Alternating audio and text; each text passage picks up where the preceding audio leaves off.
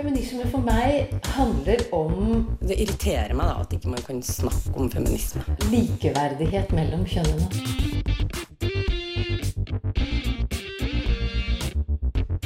Det blikket på kvinnen på film. handlet det om å bli tatt på alvor som jente.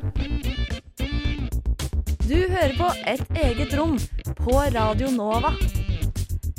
Hvordan var det å være en av de første kvinnelige legene i Norge, og hva oppnådde de innen medisin og likestilling? I dag får vi besøk av Cecilie Arns Hansen, som har skrevet boka 'Kvinner med begavelse for legevirksomhet', for å finne svar på det her og mer.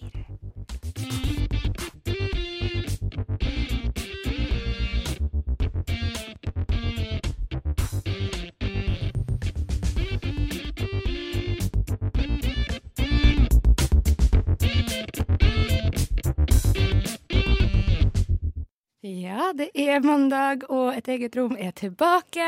Og i dag er det Anne Marie og Nintu som skal holde med selskap den neste timen. Hvordan går det med deg, Nintu? Det går kjempefint. Det er nydelig vær. Det er umulig ikke å ha det bra den tiden her. Ja, er så det er litt nice at man bare går i sola, og så er det litt sånn åh, det blir vår. Det er helt fantastisk. Det er nesten litt farlig. Jeg har ikke lyst til å sitte inn og jobbe med skole nå, i hvert fall. Så Åh, ja, apropos skole, skulle jeg si. I dag er jo tema eh, de første kvinnelige studentene som studerte medisin. Og jeg tror jo at vi to må være såpass ærlige og innrømme at det her er ikke et tema vi kunne masse om fra før. nei. Det, ja, kvinner i medisin er ikke noe jeg kunne om før, men ja, det er sånn medisin Nei, kunne ikke så mye om det. Nei, det, ikke, det har liksom ikke vært et tema, selv om det er kjempeviktig. Det handler jo om eh, liv og død, egentlig. Så nei, men det er bra vi får lære om det nå. Ja. Men eh, hvis det, du prøver å tenke sånn, hva er det du lurer på, da? Hva har du lyst til å finne ut av i løpet av den timen her? Nei, jeg tenker liksom sånn at når kvinner først går inn i medisin, at de sikkert begynte å, å forske mye på kvinners helse, og at de sikkert fant ut veldig mye viktige ting innenfor det. Og jeg lurer på hva det var, for eksempel. Og selvfølgelig så var det jo absolutt ikke enkelt for dem å skulle være en av de første kvinnene som ville bli leger. Ja, jeg tror du har helt rett i det. Og så tror jeg på en måte at eh, Fordi den boka vi skal snakke om, da, som er skrevet av Cecilie Arnt Hansen, som vi også får besøk av veldig veldig straks, men den boka vi skal snakke om, eh, er jo veldig tilgjengelig da, for mennesker som heller ikke kan masse om medisin. Den er veldig god å lese også som på en måte en historisk skildring av hvordan det var å være kvinne, da, for eksempel, og spesifikt kvinnelig student på den tida som eh, boka tar plass, da, eller ja, boka handler om. Eh, sånn at det blir jo veldig sånn, Man kan lese masse om både samfunnet da, og på en måte hvordan det egentlig var på den tida, ut ifra en bok om medisin. Fordi jeg kan heller ikke masse om medisin, men det kan jo at vi lærer litt i løpet av den timen her, da. Jeg får håpe det. Jeg tror vi kommer til å lære veldig mye. Mye viktig. Og ja, og motstand. Og det, og at disse, det er veldig kult at hun har liksom tatt opp eh, den kampen og ikke la disse kvinnene bli glemt for det de gjorde. Ja. ja, det er jo noe av det hun har snakka om også, at de har blitt litt glemt, og at det er litt det som er greia med boka, å få løfta dem opp. Men Ja, skal vi kanskje bare ta oss og hente henne inn i studio? ja la oss gjøre det. Ja, skal vi gjøre det? Ja. Klokka er iallfall ti, og det betyr et eget rom. Du hører på Et eget rom. Ja, klokken er ett minutt over ti, og du hører på et eget rom her på Radio Nova. God mandagsmorgen. Du hører på Radio Novas feministiske radioprogram. Eh, du hører på Radio Nova. Eh, et eget rom. Og nå er jo vi så heldige at vi har fått besøk i studio av selveste Cecilie Arns Hansen.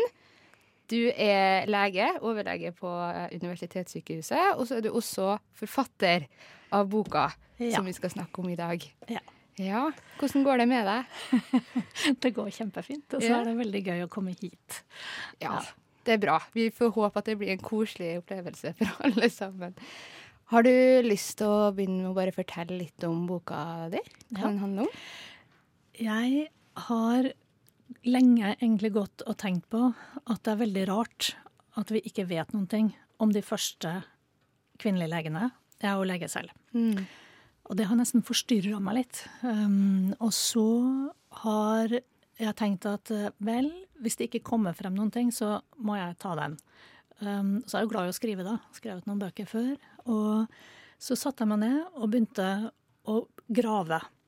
Og det som da kom frem, og som kom opp, det var jo en utrolig spennende, fascinerende historie om noen modige kvinner, visjonære damer, som gikk inn i et felt som var totalt mannsdominert, og som også hadde, hva skal vi si, ganske hierarkiske maktstrukturer. Um, som gjorde at de fikk en kamp å stå i, men de fikk også til veldig mye.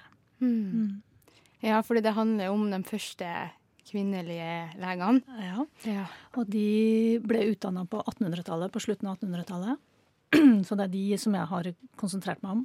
Uh, og så har jeg fulgt de frem til rundt 1915. Da gjorde de opprør. Uh, felles opprør. Mm. Ja. Jeg tror det er veldig masse interessant vi kan ta tak i her, altså. men før vi på en måte går veldig sånn uh, dypt inn i boka, så lurer jeg på litt hvordan har den blitt mottatt? Den har blitt godt mottatt. Ja. Um, og det er jo morsomt, da. Det, det er jo litt sånn at man, sitter og skriver, har holdt på i seks år da, for å lage denne boka, og så er man veldig spent når den uh, publiseres. Og så ble det uh, mye medieoppmerksomhet egentlig rundt lanseringen, som var på slutten av fjoråret.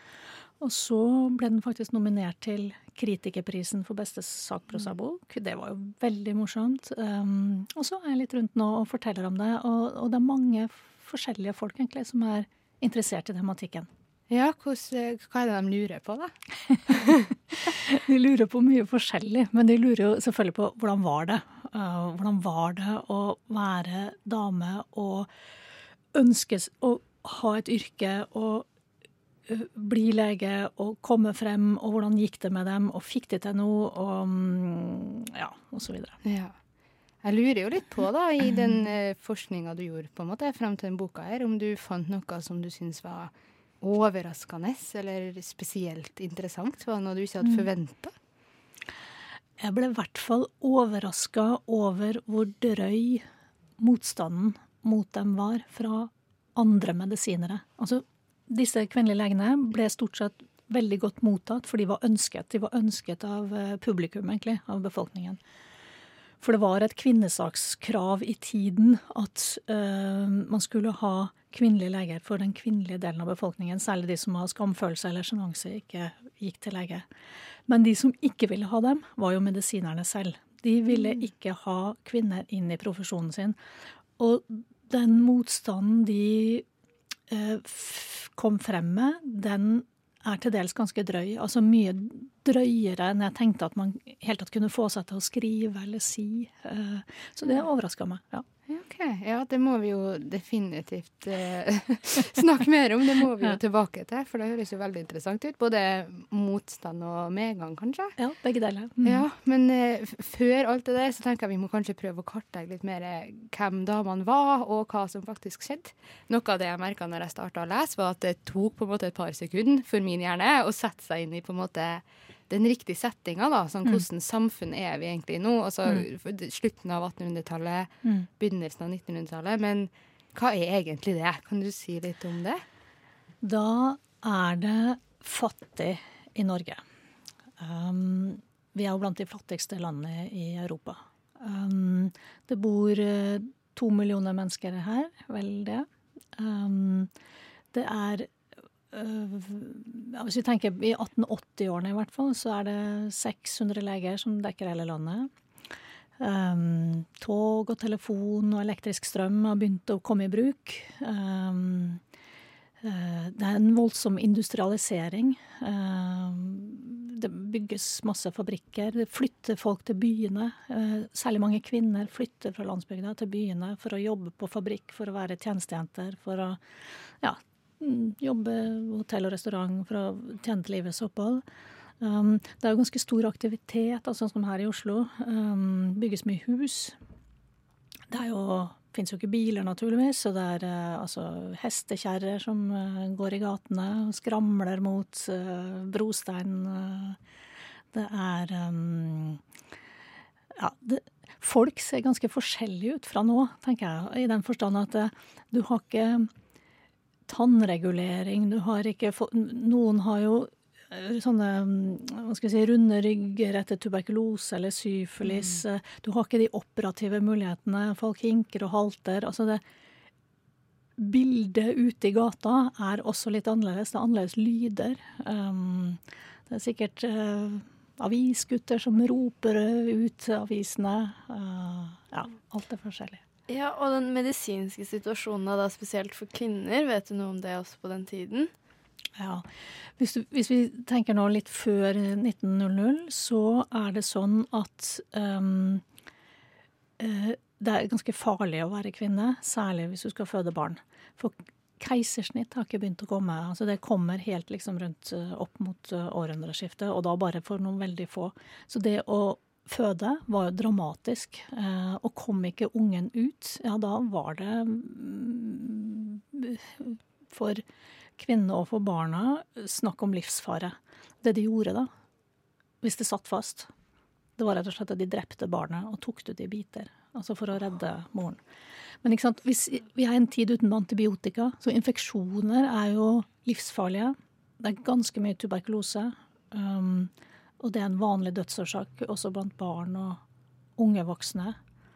Difteri er det en del av. Altså det er, det er liksom det er mye på liv og død her. Um, samtidig så hadde folk uh, gode liv også. Uh, mye, altså, mye kulturuttrykk uh, i tiden. viktig litteratur som kom. Camilla Collett? Camilla Collett. Hun kom allerede enda litt før. Hun kom, Amtmannsstøtte kom ut første gang i 1850-årene. Mm. Ja, Collett var en ledestjerne for mange kvinner. Så kom jo realistene, da. Sånn Ibsen og Bjørnson. Um, Kielland og Lie. Amalie Skram ble en viktig stemme og forfatter. Um, så mye var annerledes. Mennesker er jo likevel, har jo noe likt over seg, ikke sant? Vi er redde og glade og lyst til å ha det godt. Og, altså, det er jo Mennesket som sådan har jo ikke forandra seg genetisk, eller, eh, men, eh, mm. men alt rundt, mye rundt er annerledes. Mm. Ja, for da blir jo på en måte neste spørsmål, da. Hvordan var det å Først av alt, vi må snakke om hvem de unge kvinnene som kom til hovedstaden for å studere og sånn var, men også hvordan var den reisa da, inn til hovedstaden? Altså rent fysisk så var den for mange med hest og kjerre, um, rett og slett. Um, de fleste kom ikke fra Kristiania, de kom fra steder rundt. Så de flytta inn til en by som jo var større enn der de kom fra, men det var ikke sånn veldig stor heller. Um, og de måtte finne seg et sted å bo, og da bodde de enten hos slektninger eller på hybel. Um, og de reiste ikke først da de skulle begynne å studere, for de måtte ta artium først. Altså de måtte ha en videregående utdanning. Det fantes jo stort sett heller ikke på de stedene de bodde, sånn at de måtte gå på sånne artiumskurs som var lagd for kvinner. Kvinner fikk ikke lov å, å gå på videregående på vanlig gymnas. Um, mm. Og disse artiumskursene, de var Man brukte tre år den gangen også på å ta bli ferdig med videregående. Men eh, kursene var på to år, for det var dyrt. Og, så de liksom pressa sammen pensum og, og, kjørte på. Og så tok de 19 kvinnene som jeg har sett spesielt på, de nesten alle tok realfagsartium. Mm. Og det, det, var to muligheter. Det var realfag eller latin. Og latin var nok Det hang nok høyere. Eh, det var vanskeligere. Sånn at det ville vært mer arbeid. Sånn at de fleste tok realfagsartium. Det passa jo egentlig bra, for det var naturfag og realfag som de fikk bruk for når de begynte å studere også. Mm. Hvem var da den første kvinna, på en måte? Hvem vil man tenke som den første kvinnelige legen? Det var Marie Spongberg. Og Marie Spongberg hun kom faktisk fra Kristiania. Hun hadde en far som kom fra Sverige, som var urmaker. Han var også håndverker og ikke akademiker. Og, men han døde før hun var blitt ett år.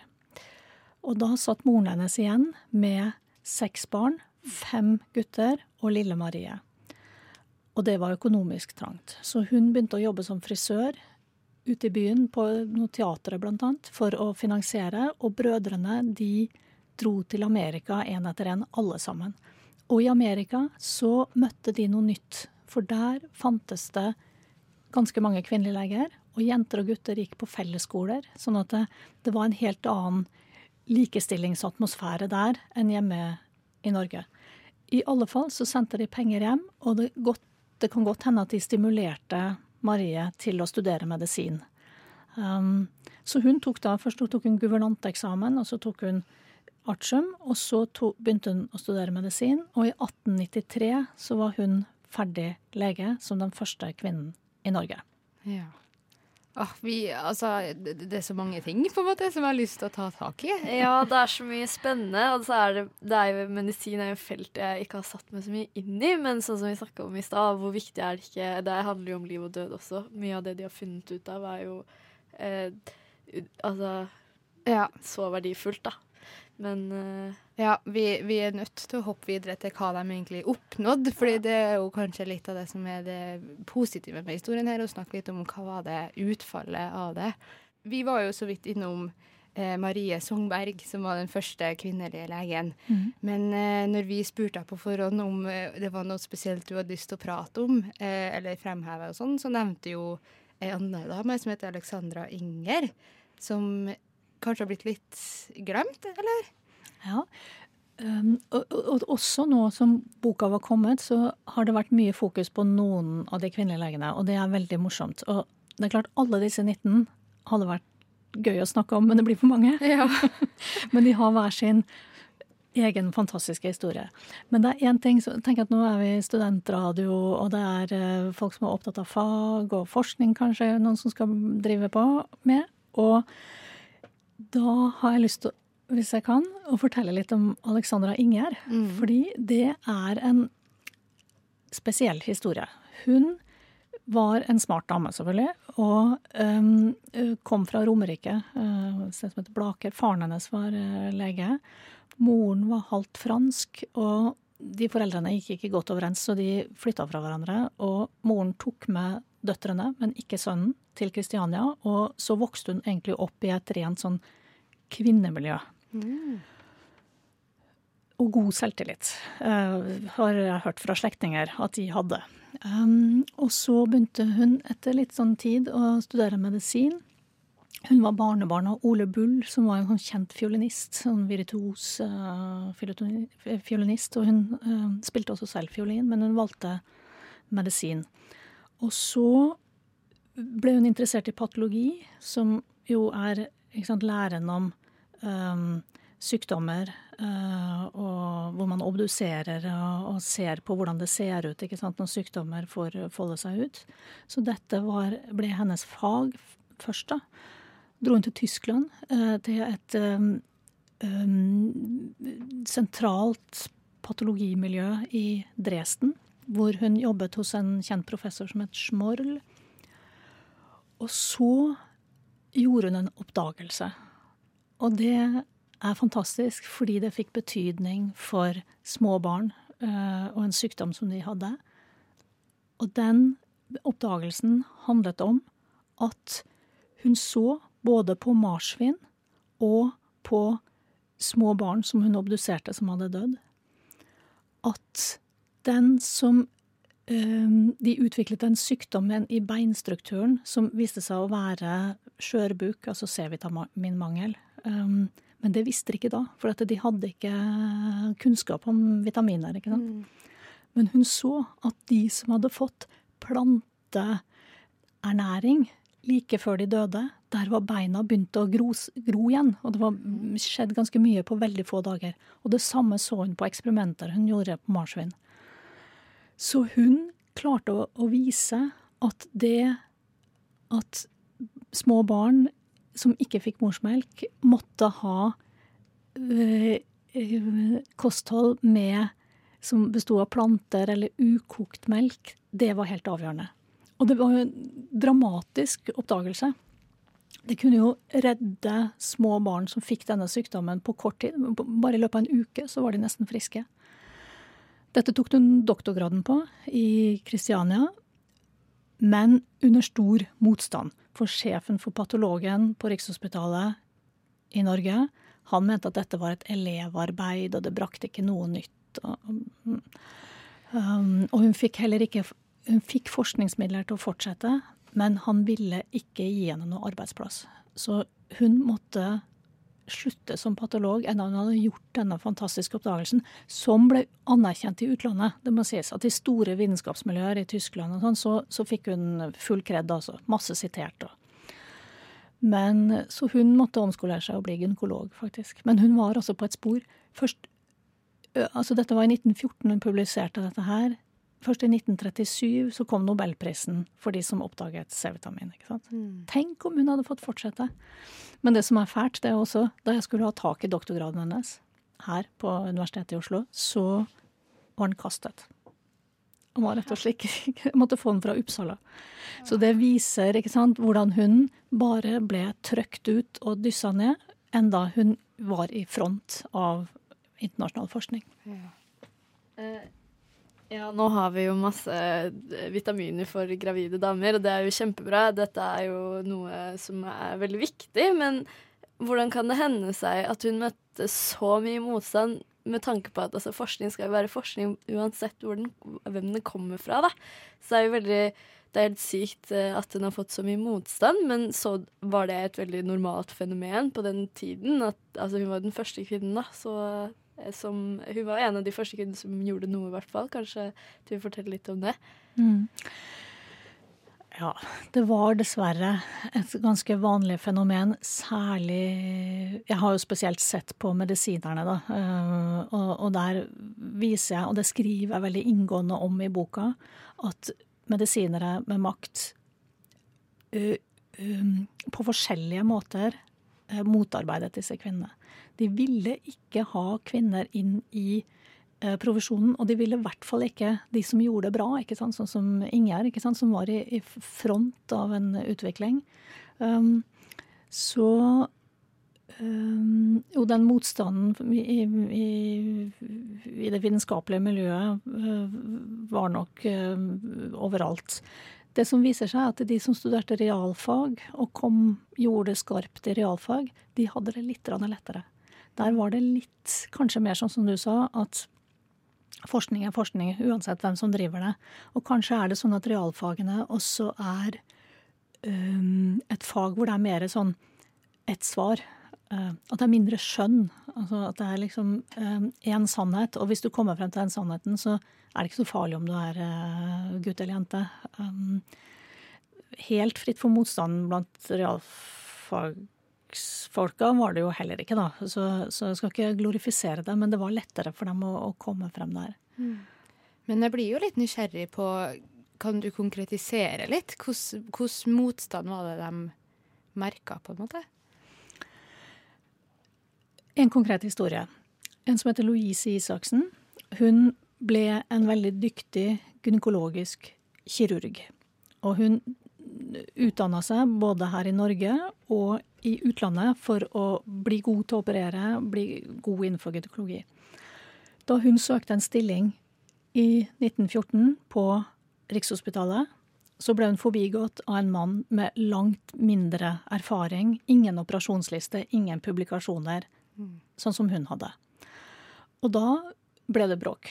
Uh, og da gikk de kvinnelige legene sammen til en aksjon sammen med masse kvinnesaksorganisasjoner.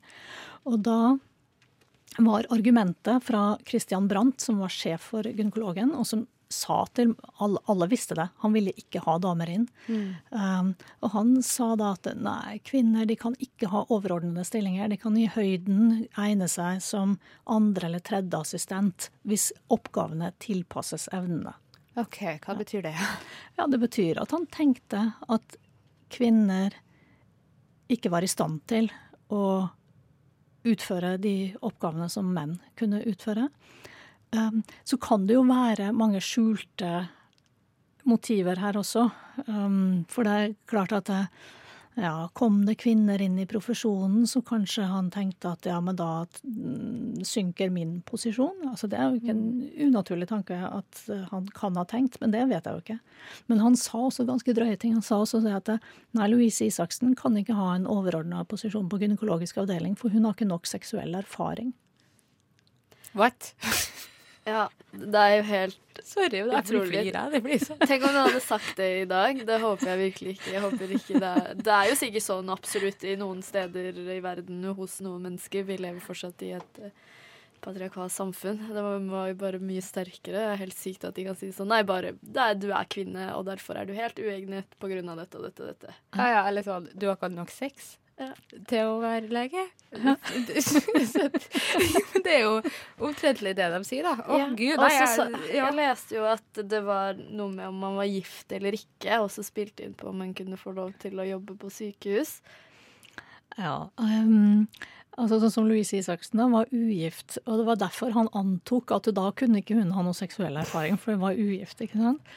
Um, og så var det jo uh, i tiden, og det kom også mye seinere, også i mellomkrigstiden, så var det sånn at gifte kvinner, lærerinner f.eks., de mista jo jobben når de gifta seg. Ja. Fordi at det var en tanke om at hver familie én jobb. Ja. Um, og den skulle mennene ha. Så uh, det gjaldt ikke for de kvinnelegene. De, der jobbet alle, altså, selv de som var gifte. Um, men de måtte jo bli privatpraktiserende, for de, de fikk ikke jobb. Radio Nova. Radio Nova. Du hører nå en podkast fra Radio Nova.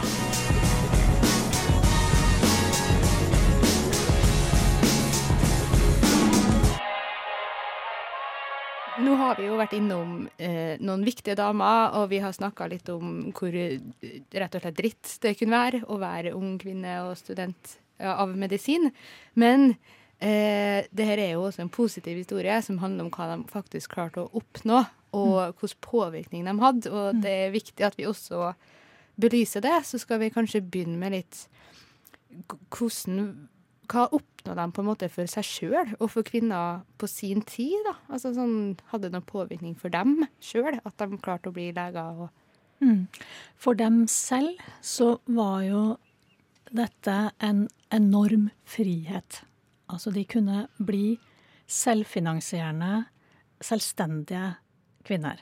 Så i den frihetsrusen nærmest som kommer fra 1880-årene og fremover, så står de liksom helt sentralt. Og eh, det kan man nesten se på livsførselen og det De engasjerte seg i utrolig mye organisasjoner. De dannet damekor, som jo var helt uvanlig. Og som, de danna faktisk kvinnelig studentesangforening. Um, og de reiste, og de opplevde nok å være uh, altså De var jo blant de første kvinnene som virkelig kunne velge livsinnhold, så det tror jeg ga utrolig mye energi. Og så er jo det positive at når det kom kvinnelige leger til, så hadde de et litt annet blikk for øhm, områder som de ville satse på. Og det gjaldt jo mye kvinne- og barnehelse, fødselshjelp. Um, de gikk jo tungt inn i det feltet med ugifte mødre og såkalt uekte barn. Eh, Dette var jo barn som ble satt bort, og det gjorde at disse kvinnelegene begynte å jobbe på mødrehjem for å berge barna, ikke sant. Og um, de eh, jobbet på barnehjem og på barneherberger og um, Sånn at det, det fikk stor betydning, selv om de var veldig få, da, eh, at de kom inn med en annen profil, et litt annet blikk. Det fikk betydning for kvinner og barn, eh, familier, um, kanskje særlig de underprivilegerte, altså særlig de fattige. Og så drev de veldig mye opplysningsarbeid. Eh, Det vil si, de holdt foredrag, og da var det annonsert kun for kvinner. Um, og det var for at da skulle det være fritt. Det var liksom, da ble det et åpent rom um, hvor de kunne overlevere informasjon uten å bli sjenert av at det sto menn der. Ja. Uh, og da var det seksualundervisning og, sant, om kvinnekroppen og svangerskap og kjønnssykdommer og, og, og sånne ting. De ble utrolig populære, disse foredragene. Det var fulle hus, de ble overfylte hus. Altså, kom, en gang så kom det over 1000 kvinner for å høre på Marie Kjølseth, f.eks. Så hun måtte jo holde foredraget flere ganger. Um, så var, de var etterlengta, og de fikk betydning for i hvert fall kvinner i de områdene hvor de jobba. De, mange var her i Oslo, men det var også i flere andre byer og eh, ja, spredd rundt. Jeg blir jo litt nysgjerrig på hvordan informasjon er det på en måte de brakte til kvinner, ofte kanskje eh, dårligstilte kvinner i den opplysningsarbeidet sitt. Altså, hva var det de kunne fortelle dem som var nytt for dem? folk visste veldig lite. Dette var et taust felt. Altså hvordan kvinnekroppen var lagd. Um, hva var vitsen med menstruasjon? Hvordan ble barn til? Hvordan smitter kjønnssykdommer? Altså ganske sånn basic uh, ting. Det jeg har lurt mye på, er om de snakka om prevensjon. Ja. For det var forbudt. Prevensjon, Hvis du snakket om offentlig om prevensjon, så ble du satt inn. Altså det var fengselsstraff for det. Um, og det var en helt annen holdning til prevensjon. Så, og fordi det var forbudt, så har jeg rett og slett ikke klart å finne så veldig mye om det heller, for de kunne jo heller ikke skrive det ned. Mm. Men hva slags prevensjon hadde de på den tiden? De hadde kondomer.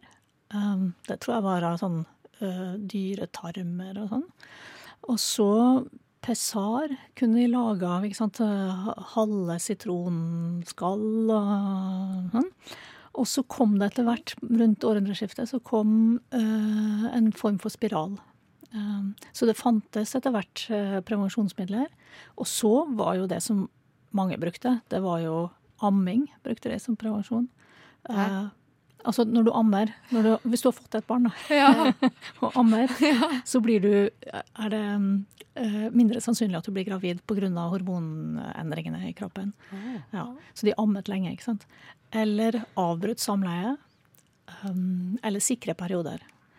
Og det var det nok mindre farlig å snakke om, fordi at i lovverket så sto det liksom Det var veldig tydelig at det var gjenstander eller midler som var forbudt. Mm. Um, men dette varte lenge. Det, altså, in, så seint som i 1927 så ble en disponent for en fabrikk som produserte kondomer, uh, anmeldt. Um, og han ble til slutt frikjent i to rettsinstanser. Um, men det, og det var ikke fordi at han produserte kondomer, men fordi at det var annonsering for det. Mm. Sliten og sinna og lei. Nå vil vi synge ei vise til deg om at kvinner kan si fra, protestere og slåss. Bli med hos oss. Du hører på Et eget rom. Likestilling kommer ikke av seg selv. Ja, du hører på et eget rom, og det er Ann Marie og Nintu og Cecilie som holder deg med selskap i et eget rom akkurat nå. Cecilie Arnt Hansen, forfatter og lege som driver, og, som driver opplysningsarbeid for oss om eh, hvordan det var å være ung kvinnelig student eh, av medisin. De første kvinnelige studentene av medisin. Mm. Um, du snakka jo litt om hvilken påvirkning det hadde innen opplysningsarbeid og for kvinnene eh, sjøl, men så blir jeg litt nysgjerrig på sånn Hva påvirkning hadde på samfunnet eller i det politiske liv? Ja, endret det kanskje noen av de maktstru- maktstrukturene som var der? At de klarte å utfordre de maktpersonene, f.eks.? Mm. Det fikk betydning, fordi på samme tid så er jo ikke sant, Så kommer 1905, og da blir Norge fritt. Mm. Går ut av unionen med Sverige. Og da er det jo veldig formende år for Norge.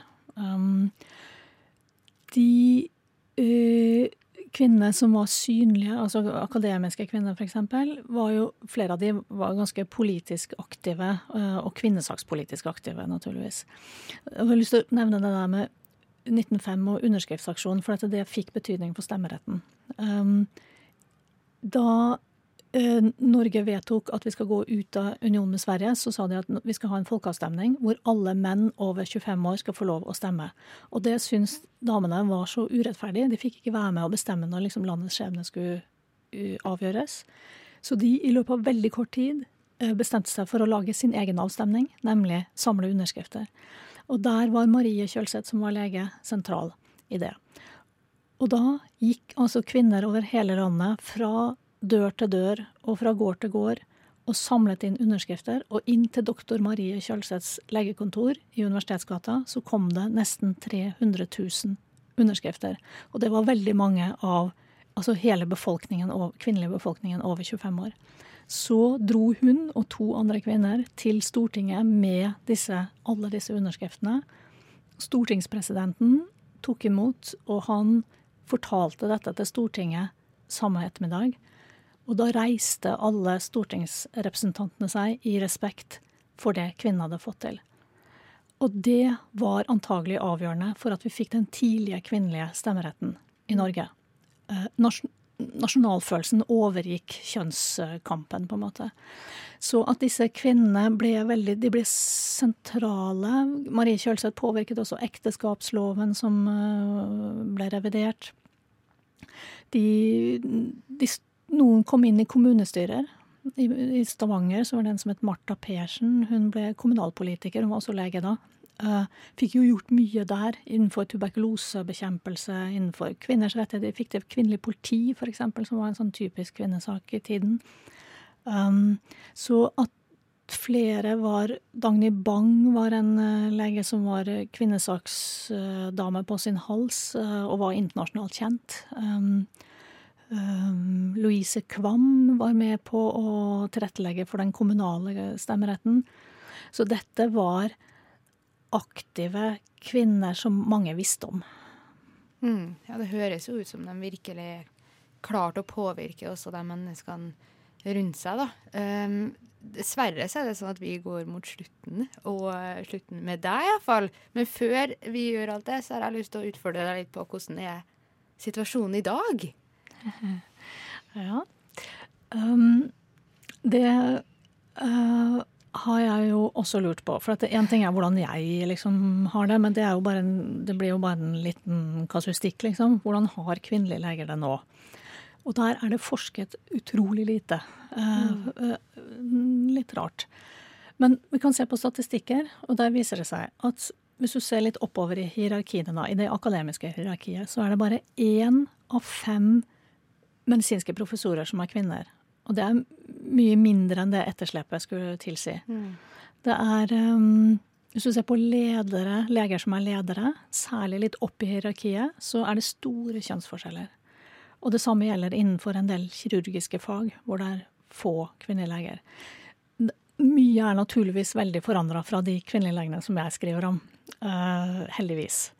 Uh, men jeg tror at vi må ikke slappe av. Vi må passe på.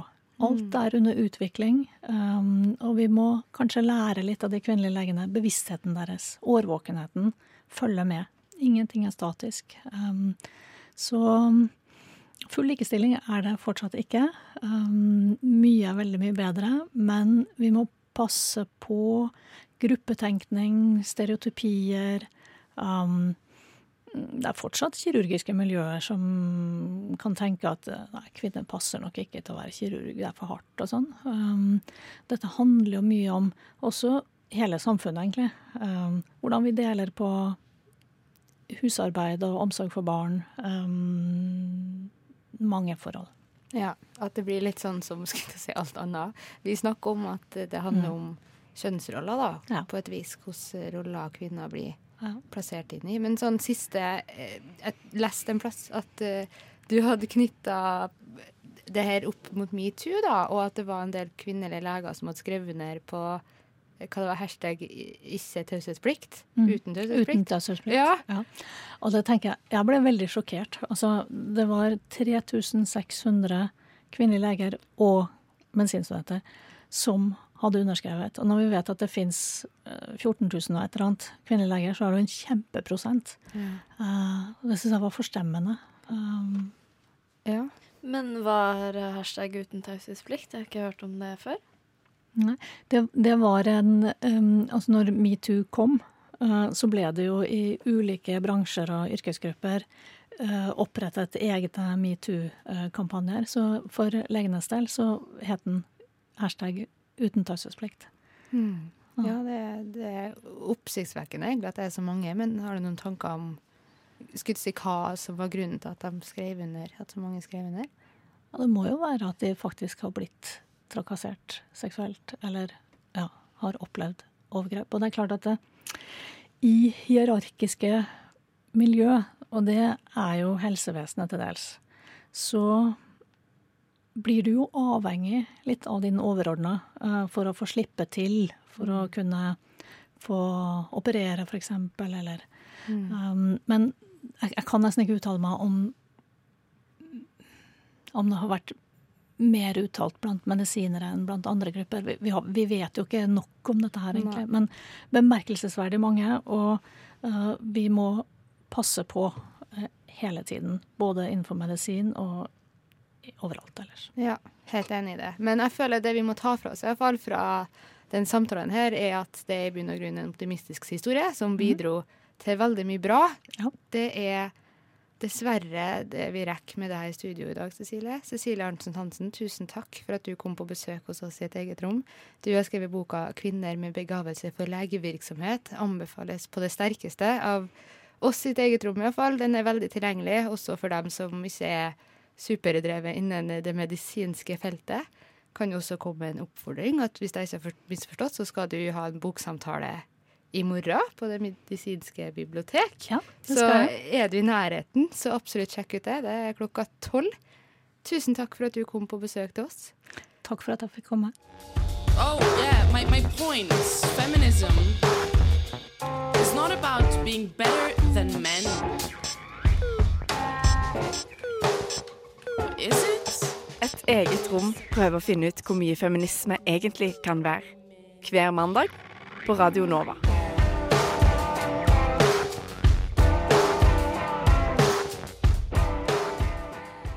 Hva, hva lærte du, Nintu? Å, jeg lærte så mye. Ja. Ja, det er jo, det er jo Eller bare historie. Men jeg bare Altså, når vi lagde den om samisk kvinnekamp, og vi snakket om Elsa Laula som samlet alle samene, det er sånn Eller altså, dette er bare ting som er helt sykt, og så er det som kvinner som har gjort ting for kvinner, og kvinnekamp, og så må vi huske disse Og det er bare generelt veldig altså, dårlig eh, historisk bevissthet om de kvinnene, da. Eh, jeg tenker at det er et problem. Det er veldig kult at hun har tatt denne kampen. Hun er dritrå. Ja, altså, hun virka som hun virkelig kunne sine greier. Altså, og det er bare så fint når man får noen som, som du sier, da, orker å ta den kampen og løfte frem mennesker som vi ikke vet noe om. Og det er liksom, jeg syns bare det er så nydelig at det er litt sånn Ja, de er jo obviously viktige i medisin, og de gjorde veldig viktige medisinske framgang og sånn. Vi rakk jo ikke å snakke om alle, men de er jo bare så viktige for samfunnet da, og sånn som vi var inne på, liksom for likestillingskampen og for på en måte at folk faktisk skal ha muligheter og for helse for kvinner og for helse for barn og gynekologi. Og det er bare så masse da som blir påvirka av at noen unge damer bare var modige nok til å stikke til Kristiania og begynne på universitetet og studere medisin i en tid der ja, Ja. det var helt krise, liksom. Ja, liksom når hun fortalte historien eh, om hun Var det Inger? Ja, Eller ja. Alexandra Inger. Ja. ja. Inger. Inger. Ja. Eh, om altså, at moren hennes hadde seks barn, ikke sant? Og det er bare sånn å høre om alle de tingene de måtte gjøre for å i det hele tatt uh, bli hørt. Og det er bare sånn, du, du kjenner det tingler i feministen i deg. Bare sånn, faen, det er så jævlig urettferdig, og det trenger man å høre. Ja. Fordi man må vite hvem som kom før oss, da. Ja, du trenger å høre det, og du trenger å lese boka, fordi da forstår du hvorfor vi må fortsette å eh, kjempe og sånn. My God, vi må avslutte, Nintu. Eh, I studio i dag så har det vært meg, Anne Marie Sindet og Nintu Paramalingam. Vi har hatt besøk av Cecilie Arntzen Hansen, som har gitt ut bok som alle må lese. Teknikeren vår i dag har vært Magnus Tune. Sjekk oss ut på Insta til å si, og Facebook. Facebook, og ikke minst SoundCloud. Der ligger alle episodene. Snakkes neste uke. Du har hørt en podkast fra et eget rom på Radio Nova. Vil du høre mer? Sjekk ut Et eget rom på Facebook, Instagram eller radionova.no.